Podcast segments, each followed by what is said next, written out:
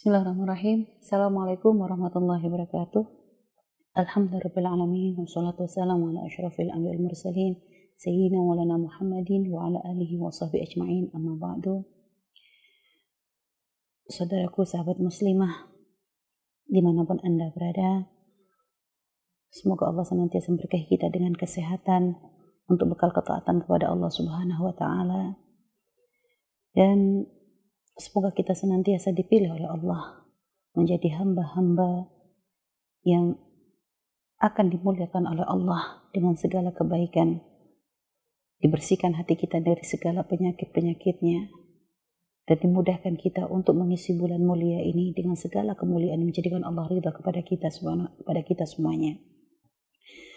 Sahabat muslimah yang dimuliakan Allah Subhanahu wa taala, pada pertemuan yang lalu kita sudah membahas tentang keutamaan bulan Ramadan.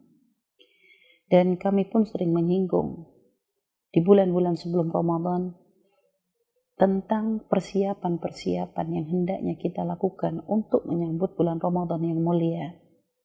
Karena bulan Ramadan istimewa, maka kemuliaan bulan Ramadan akan diberikan kepada orang-orang istimewa pilihan Allah Subhanahu wa taala.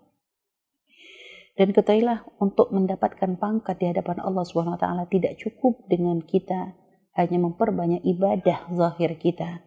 Akan tetapi harus ada hal-hal yang harus kita benahi, kita tingkatkan. Jadi jangan sampai kita tertipu dengan amal baik kita. Kita sibuk memperbanyak sholat, kita sibuk meningkatkan uh, dengan dengan puasa, kita sibuk dengan memperbanyak baca Quran, akan tetapi kita lupa untuk menata hati kita sehingga penting bagi kita semuanya untuk uh, untuk meningkatkan kualitas ibadah kita bukan hanya meningkatkan kuantitasnya akan tapi bagaimana agar ibadah kita ini berkualitas. Bagaimana caranya? Yaitu dengan cara menyeimbangkan menyeimbangkan ibadah. Bukan hanya kita sibuk dengan ibadah zahir akan tetapi batin kita keropos maka penting bagi kita untuk membenahi hati kita semuanya, untuk membersihkan batin kita, ya, sehingga zahirnya kita mengabdi kepada Allah dengan ibadah-ibadah yang diajarkan oleh Rasulullah SAW, akan tapi jangan kita lupakan juga untuk kita menata hati kita agar ibadah kita menjadi ibadah yang diterima oleh Allah Subhanahu Wa Taala. Nabi Muhammad SAW bersabda, "Ala wa inna fil jasadi mudghah, idza saluhat saluhal jasadu kulluh, idza salahat salahal jasadu kulluh, wa idza fasadat fasadal jasadu kulluh ala wahyil galbu. Jadi Nabi pernah bersabda bahwa ingat sesungguhnya di dalam tubuh itu terdapat segumpal daging yang jika daging tersebut baik ya, jika ia baik maka akan menjadi sebab baiknya seluruh tubuh. Dan jika ia buruk maka akan menjadi sebab buruknya seluruh anggota tubuh. Apa yang disebut dengan mudghah tadi? Di dalam tubuh manusia disebut mudghah dijelaskan oleh Rasulullah ala wahyal qalbu ketahuilah itu adalah hati. Artinya hati kita ini ternyata punya peranan penting. Hati yang bersih akan membimbing hati, tubuh untuk melakukan hal-hal yang uh, melakukan kemuliaan akan mudah bagi orang untuk mencari kemuliaan di hadapan Allah. Akan tapi jika hati kotor, lihat, jika hati kotor maka sungguh kalaupun anggota tubuh kita itu adalah sibuk dengan ibadah, tapi ternyata mungkin saja sangat besar kemungkinan ibadah kita adalah ibadah untuk kesombongan, untuk mengangkat tinggi kita, untuk mengangkat diri kita, merendahkan orang lain, mengangkat menganggap diri kita mulia dan naudzubillah ibadah seperti itu tidak menjadikan kita selamat di hadapan Allah Subhanahu wa taala. Maka di bulan yang mulia ini, di bulan yang mulia ini di saat kita uh, diberi motivasi ya dengan kemuliaan bulan yang agung ini untuk memperbanyak ibadah. Dan memang di bulan mulia ini termasuk kelebihan keutamaan bulan bulan Ramadan adalah futihat abwabul jannah wa ghuliqat abwabun nar. Artinya pintu-pintu surga dibuka oleh Allah dan pintu-pintu neraka ditutup oleh Allah Subhanahu wa taala. Para ulama memberikan pemahaman apa makna dari dua hal tersebut. Artinya artinya bahwa di bulan Ramadan orang itu diberi kemudahan untuk melakukan kebaikan. Dan itu pun memang kita rasakan. Bagi orang yang punya keimanan di dalam hatinya, lihat, akan mudah, uh, akan ada semangat lebih untuk melakukan kebaikan di bulan Ramadan. baca Quran lebih enak di bulan Ramadan. Melakukan sholat pun lebih semangat di bulan Ramadan. Berpuasa pun jika kita lakukan di luar Ramadan susah, tapi di bulan Ramadan karena ngelakuinnya rame-rame, kita punya semangat dan mudah kita untuk melakukannya. Tidak mudah kita tergoda. Dan sodakoh pun begitu. Banyak orang kalau sudah Ramadan berlomba-lomba untuk melaksanakan sodakoh. Artinya pintu-pintu kebaikan dimudahkan. Dan juga pintu kemaksiatan tuh uh, ditutup oleh Allah Subhanahu wa taala. Sehingga orang kadang yang terbiasa dengan maksiat pun masih mikir untuk melakukan kemaksiatan. Masih masih menghormati Ramadan. Nah, artinya memang ini adalah rahmat yang Allah berikan kepada umat Nabi Muhammad di bulan yang mulia ini. Sehingga di saat kita mengetahui bahwa pintu kebaikan dibuka dan pintu kemaksiatan ditutup, maka ayolah.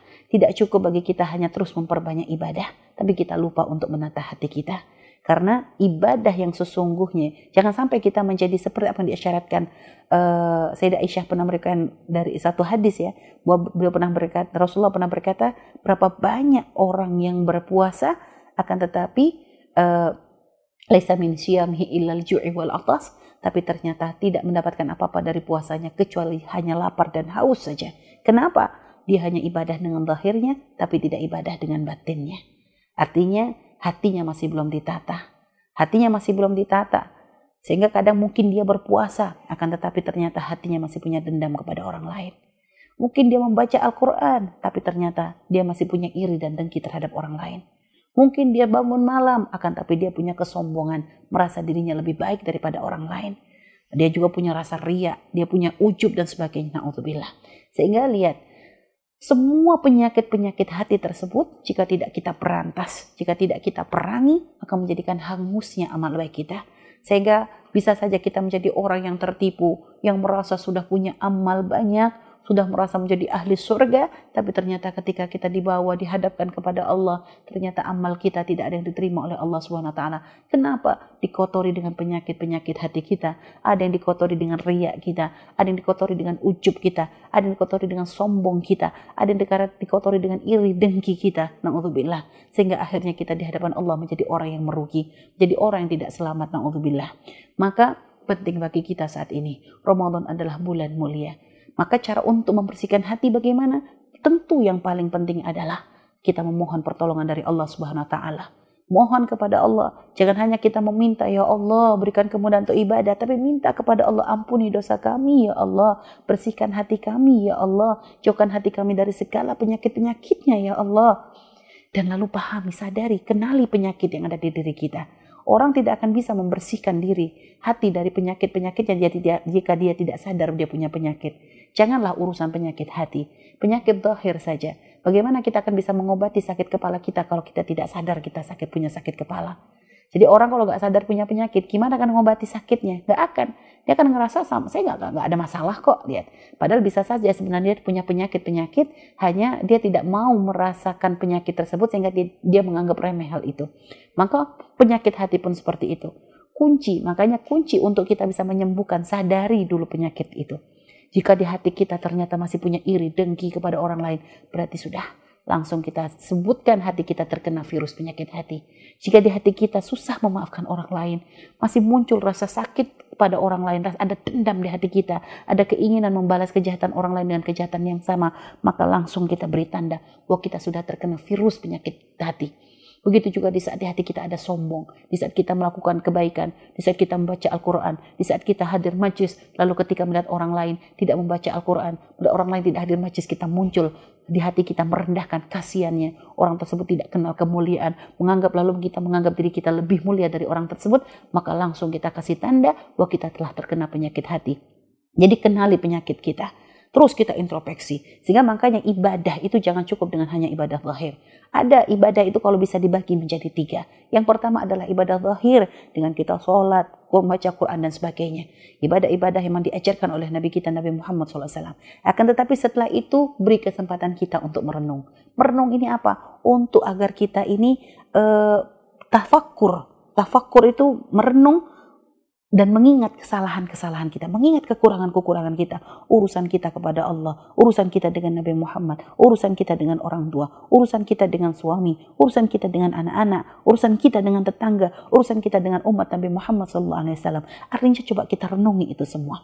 Mana kekurangan-kekurangan kita dan harus sadar Setelah itu baru setelah itu baru kita memohon kepada Allah. Karena orang kalau sudah merenung di saat dia memohon kepada Allah akan sungguh-sungguh dia di dalam berdoa.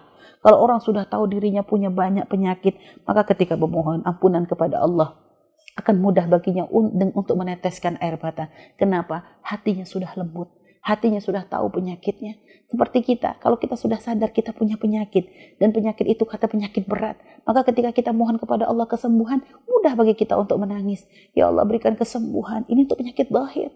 Padahal sungguh penyakit batin. Seberat-beratnya penyakit lahir tidak akan bisa mengalahkan bahayanya penyakit batin. Kalau kita diberi penyakit lahir, ya, maka sungguh sakit kita ini adalah penghapus dosa bisa saja sakit kita ada menjadi sebab penghapus dosa, menjadikan kita tambah dekat kepada Allah. Tapi kalau orang sudah terkena penyakit batin, na'udzubillah, dia tidak akan bisa mendapatkan kebaikan. Dia tidak bisa mendapatkan rahmat dari Allah taala. Tapi jangan sampai kami berkata seperti ini, kita ya Allah sudah sakit dohir saja. Yang penting jangan sakit batin tidak. Kita tetap minta kepada Allah kesehatan dohir dan batin kita. Maka maka ayo kita bersihkan, kita mohon kepada Allah, bersihkan hati kita, lalu kita usaha dengan kita mendatangi majlis-majlis mulia, memperbanyak membaca Al-Quran, karena termasuk keutamaan fadilah dari membaca Al-Quran itu adalah untuk membersihkan hati kita. Walaupun mungkin ketika kita membaca Al-Quran kita tidak bisa memahaminya. Jadi seperti itu uh, usaha kita untuk menata hati kita agar kita bisa mengisi Ramadan ini dengan kemuliaan yang sesungguhnya muliaan kesungguhnya itu mulia uh, dengan dengan kita bisa melakukan kebaikan dan kemuliaan di hadapan Allah Subhanahu wa taala dengan bersihnya hati kita. Semoga Allah menerima amal-amal kita, menjadikan amal-amal kita sebab kemuliaan kita di dunia dan di akhirat dan semoga Allah membersihkan hati kita dari semua penyakit-penyakitnya dan semoga Allah jadikan kita orang-orang yang saling mencintai karena Allah. Semoga orang yang yang uh, semoga Allah memberikan kemudahan kita untuk terus mengikuti apa yang diajarkan oleh Rasulullah Sallallahu Alaihi Wasallam.